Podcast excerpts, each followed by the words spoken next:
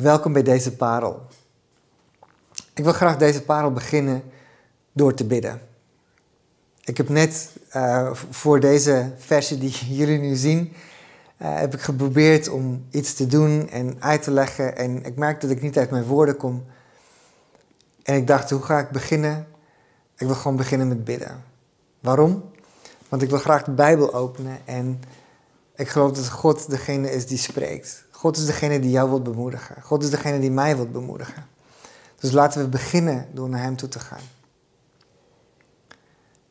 Heer God, dank u wel dat u hier bent. Hier waar ik nu de parel opneem. Maar ook daar waar de luisteraar zit. Mijn broeder of mijn zus. En luisterend naar deze parel. U zoekt. Heer, we willen u zoeken vanochtend of vanavond. En we willen tegen u zeggen dat u bent de bron. U bent de plek waar wij onze hulp vinden. En ik bid, Heer, dat als u zo het woord, gaat, het woord gaat openen, dat u spreekt. Bemoedig ons. Leer ons wat uw wil is. Voor ons leven. In Jezus' naam. Amen. Dus dit is poging 2. De eerste hebben jullie niet meegemaakt. Dat geeft ook niks. Maar wat ik vandaag met jullie wil delen is een Bijbeltekst wat voor mij zo vaak al heeft bemoedigd. En zo vaak weer even op de rechte pad heeft uh, doen lopen. En wat het is, is, ik weet niet van jou, maar ik wil heel graag weten wat God wel mij wil. Ik wil zijn wil doen. Ik wil mij onderwerpen aan uh, zijn plan voor deze wereld, voor mij. En het is niet altijd makkelijk om dat te weten. En deze tekst heeft me al heel vaak geholpen. Dus ik hoop dat je ook mag bemoedigen. Ik ga lezen uit Micha 6, vers 8 uit het Oude Testament. En Micha begint zijn boek, zijn, of zijn brieven, of het, eh, het begin van Micha, dan spreekt hij oordeel van God over de volk.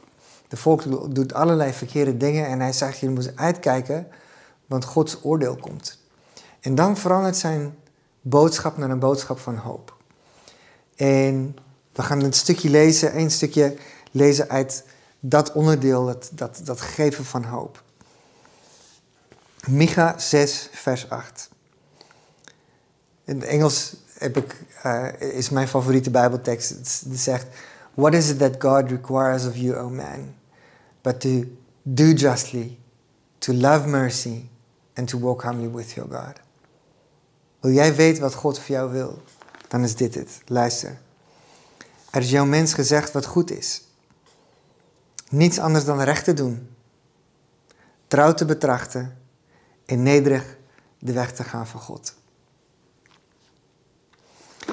Als je kijkt naar het eerste, recht te doen. God is een rechtvaardige God. En het is best wel een thema op dit moment in de kerk. Niet alleen in onze kerk, maar gewoon wereldwijd. Er is zoveel onrecht in de wereld. Denk aan mensenhandel. Denk aan slavernij. Denk aan armoede. Er is heel veel te doen. En al wat God van ons vraagt is om recht te doen. Is om bij, hem bij te springen bij zijn werk, wat hij doet. Dus het is niet zo heel moeilijk eigenlijk. Wat wil God dat wij doen? Eén. To join him in his labor. Om met hem aan te haken in dit wat hij aan het doen is in de wereld.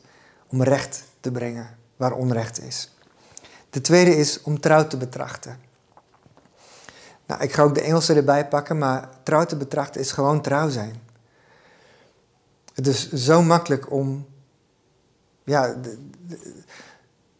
ik moet eerlijk zeggen dat op dit moment is er best wel wat dingen in mijn leven wat uh, eventjes uit mijn tenen moet komen. Het gaat niet vanzelf. Normaal gesproken gaat dingen redelijk goed en dingen gaan redelijk vanzelf. En dat is op dit moment niet het geval. En ik was laatst ook aan het bidden en eh, aan, het zoeken van Heer, wat wilt u nu? Uh, en Gods antwoord kwam eigenlijk vrij duidelijk naar me toe. De enige wat hij zei is, wees trouw.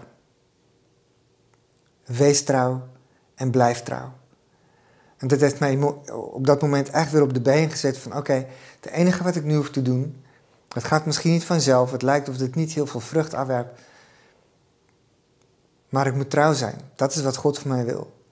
En ik heb een keuze gemaakt om trouw te zijn.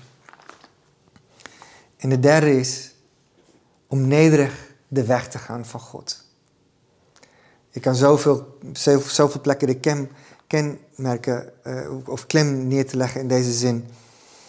Maar nederigheid is zo belangrijk. We vinden onszelf vaak heel belangrijk. We vinden onszelf vaak dat we het beste weten. We vinden van onszelf dat wij uh, weten hoe dingen moeten.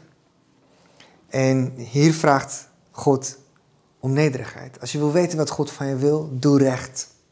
Wees trouw en wees nederig. Kun jij, nederigheid zijn? Kun jij nederig zijn? Ik vind het best wel lastig. Maar wat ik heb geleerd over nederigheid is dat nederigheid en trots, of onzekerheid en trots, is twee kantjes van dezelfde munt. Je kan onzeker denken over jezelf en minder denken over jezelf. Maar eigenlijk is dat een vorm van trots. En je kan heel trots zijn over jezelf, maar eigenlijk is dat trots, diepe wortel daarvan is onzekerheid. En wat God zegt, hij zegt het zo mooi eigenlijk in, uh, uh, in handelingen, is denk aan jezelf en overeenkomstig de genade. Dus nederigheid heeft zijn basis in genade. Dat weten dat alles wat je hebt, alles wat je kan, alles wat je doet, komt uit genade en is door genade. Dus ik wil je vragen deze dag. Wil je samen met, samen met mij nadenken over nederigheid? Over trouw.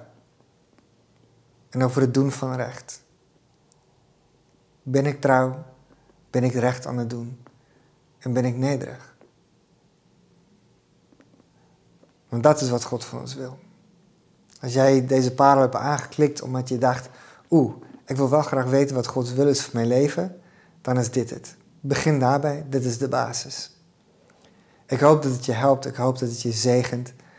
En dit is een tekst wat mij veel mijn leven al heeft geholpen en wat ik op dit moment ook opnieuw aan het bestuderen en het mediteren ben. En hoop dat je er ook wat aan hebt. God zegen.